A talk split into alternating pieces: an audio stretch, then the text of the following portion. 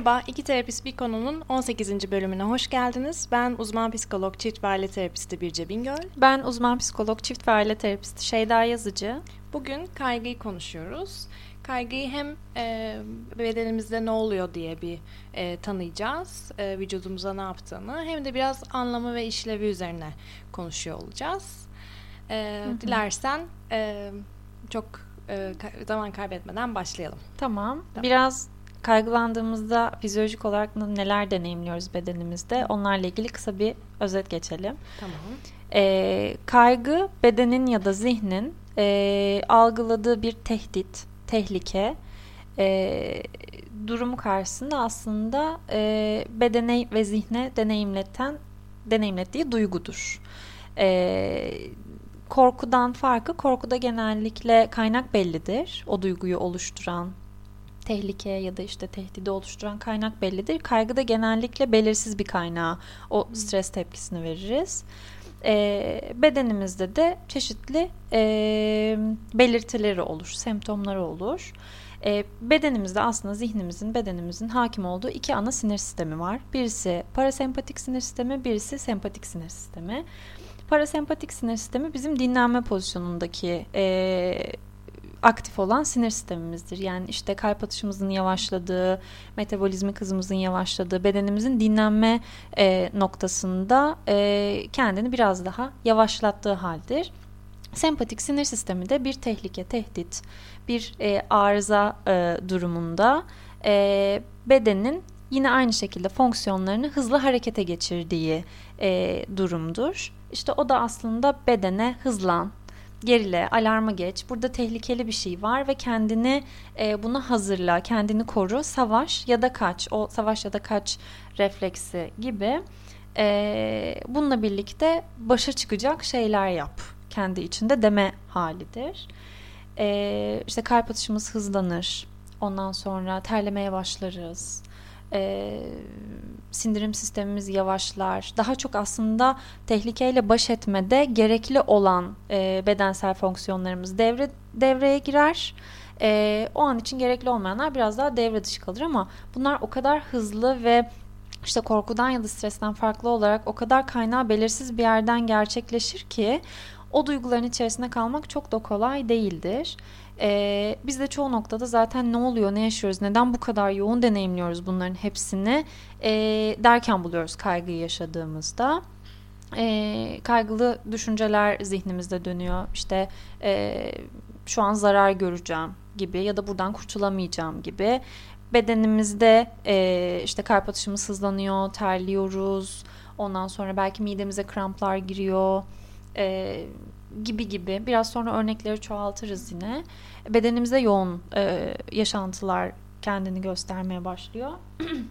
ve bütün bunların hepsi dediğim gibi çok hızlı e, ve aniden oluyor.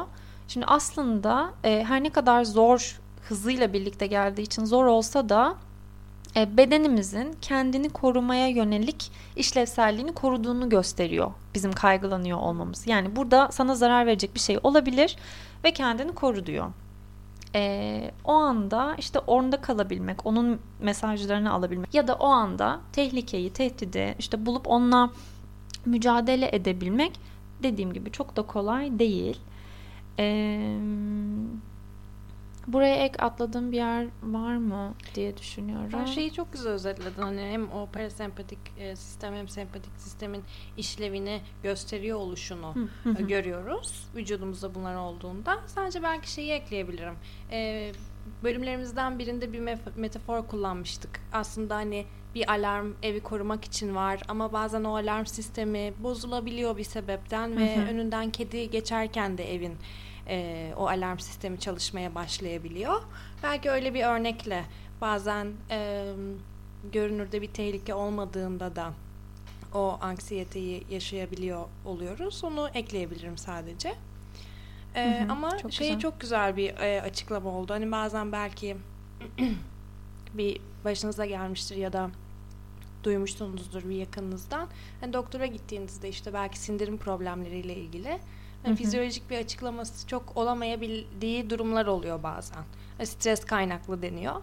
Aslında o e, dolayısıyla e, parasempatik ve sempatik e, sinir sisteminin nasıl vücudumuza etki e, ettiğini, sindirim Hı-hı. sistemini bizi o an koruyabilmek için yavaşlattığını ve bu uzun sürdüğünde aslında sindirim sistemimizde e, problemler olabildiğini de açıklamış olduk e, böylece.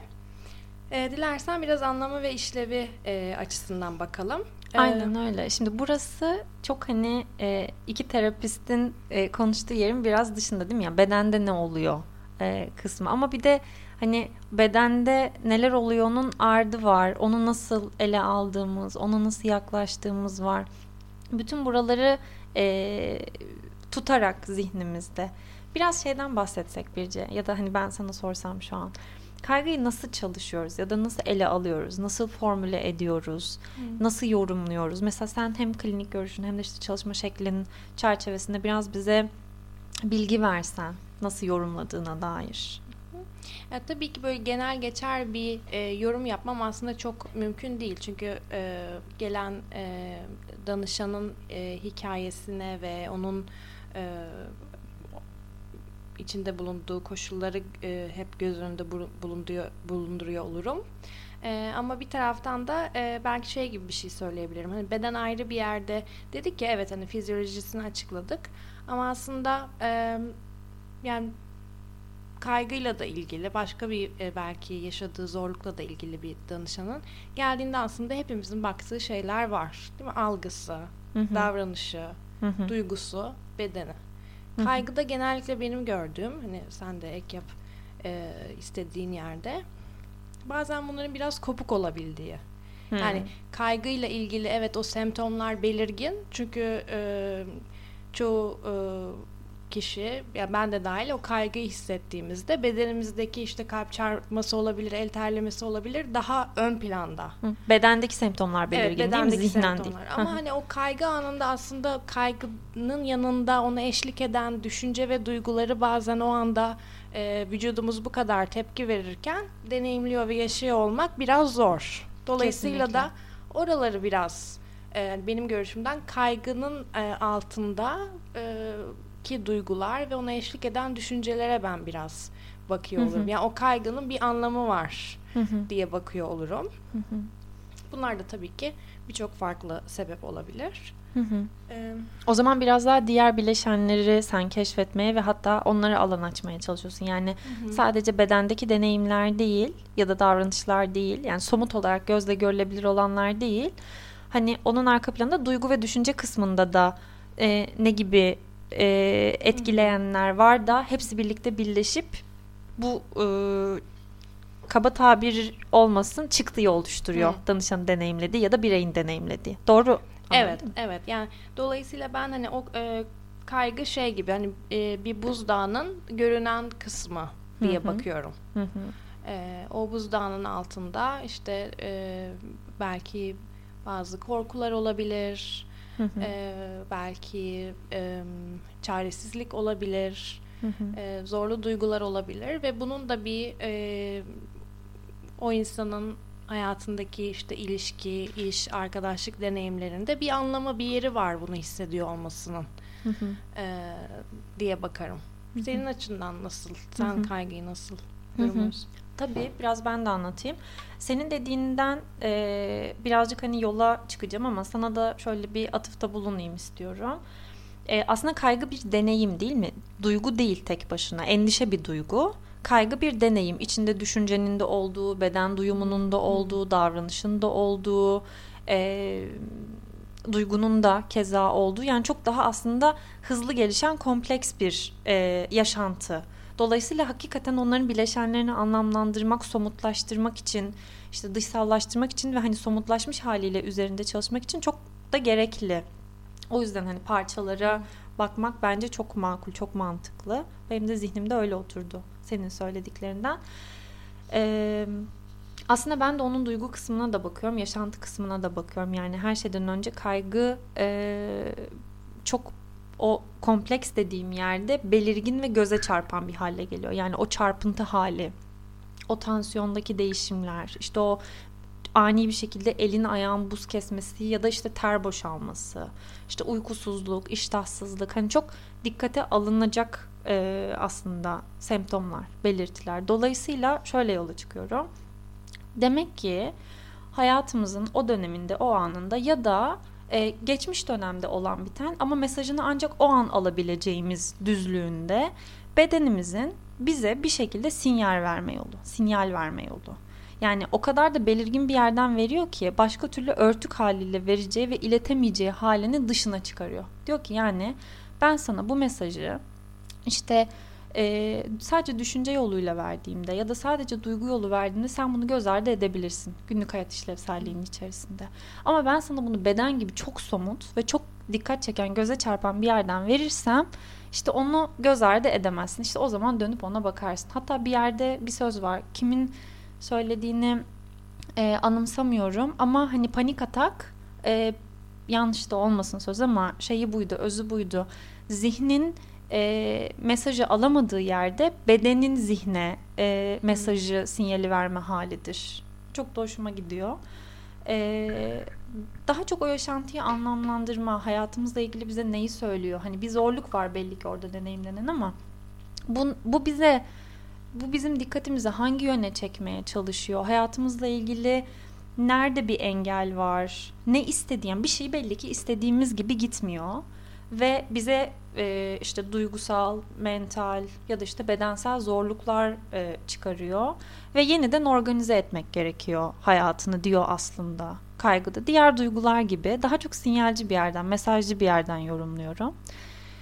E, ama tabii o kadar bunların hepsini kompleks yaşarken e, ve hayatımıza dair bir tehdit algısıyla yaşarken yani işte alarm o cayır cayır Kalbi yanma çarpmaya başlıyor işte midem belki kasılıyor hı hı. o halde evet düşünmek Aynen zor. öyle tam o haldeyken işte o kaygı ya bana ne anlatmaya çalışıyor bu kaygı demek hı. çok kolay değil yani söylemesi çok kolay hadi bunun içine bir bakalım bunun gözlerinin ta içine bakalım bize neler anlatmaya çalışıyor neler söylüyor olabilir aslında hayatımızla ilgili ya da alışkanlıklarımızla ilgili ya da işte ne bileyim düşünce yapımızla ilgili çok kolay ama o tetiklenme anının içerisinde kalmak çok zor. Bence duyması da zor bu cümleyi.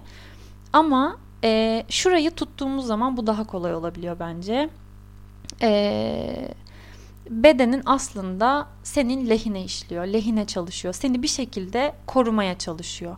Dolayısıyla orada kaygıyla zor ama işbirliği yapabilmek, dost olabilmek bir yerde. Bizim karşımızda değil de yanımızda olup bize hem belli şeyleri göstermek hem de bizi korumak için e, bunları yaptığını e, düşünmek e, oradaki e, deneyimin gözün içine bakabilmeyi bence bir noktada kolaylaştırıyor. Yani hani bir şey var beni zorluyor. İşte mesela diyelim ki ben işte birçok sorumluluk taşıyorum. İşte evle ilgili, işle ilgili, ailemle ilgili, ondan sonra işte belki çocuklarımla ilgili, e, arkadaşlarımla ilgili birçok sorumluluk taşıyorum. Ve bunların ne kadar beni yorduğundan, bana ne kadar kendimi belki ihmal edebileceğim e, bir denklem kurduğundan bir haberim. Çünkü o kadar alışmışım ki bunların hepsini Hı-hı. yapmaya ve sürdürmeye e, dönüp de bakmıyorum. Ben bununla ilgili gerçekten ne hissediyorum?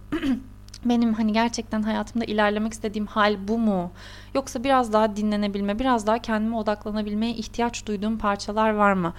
O kadar hani o alışkanlık halinde de buna bakamıyorum ki.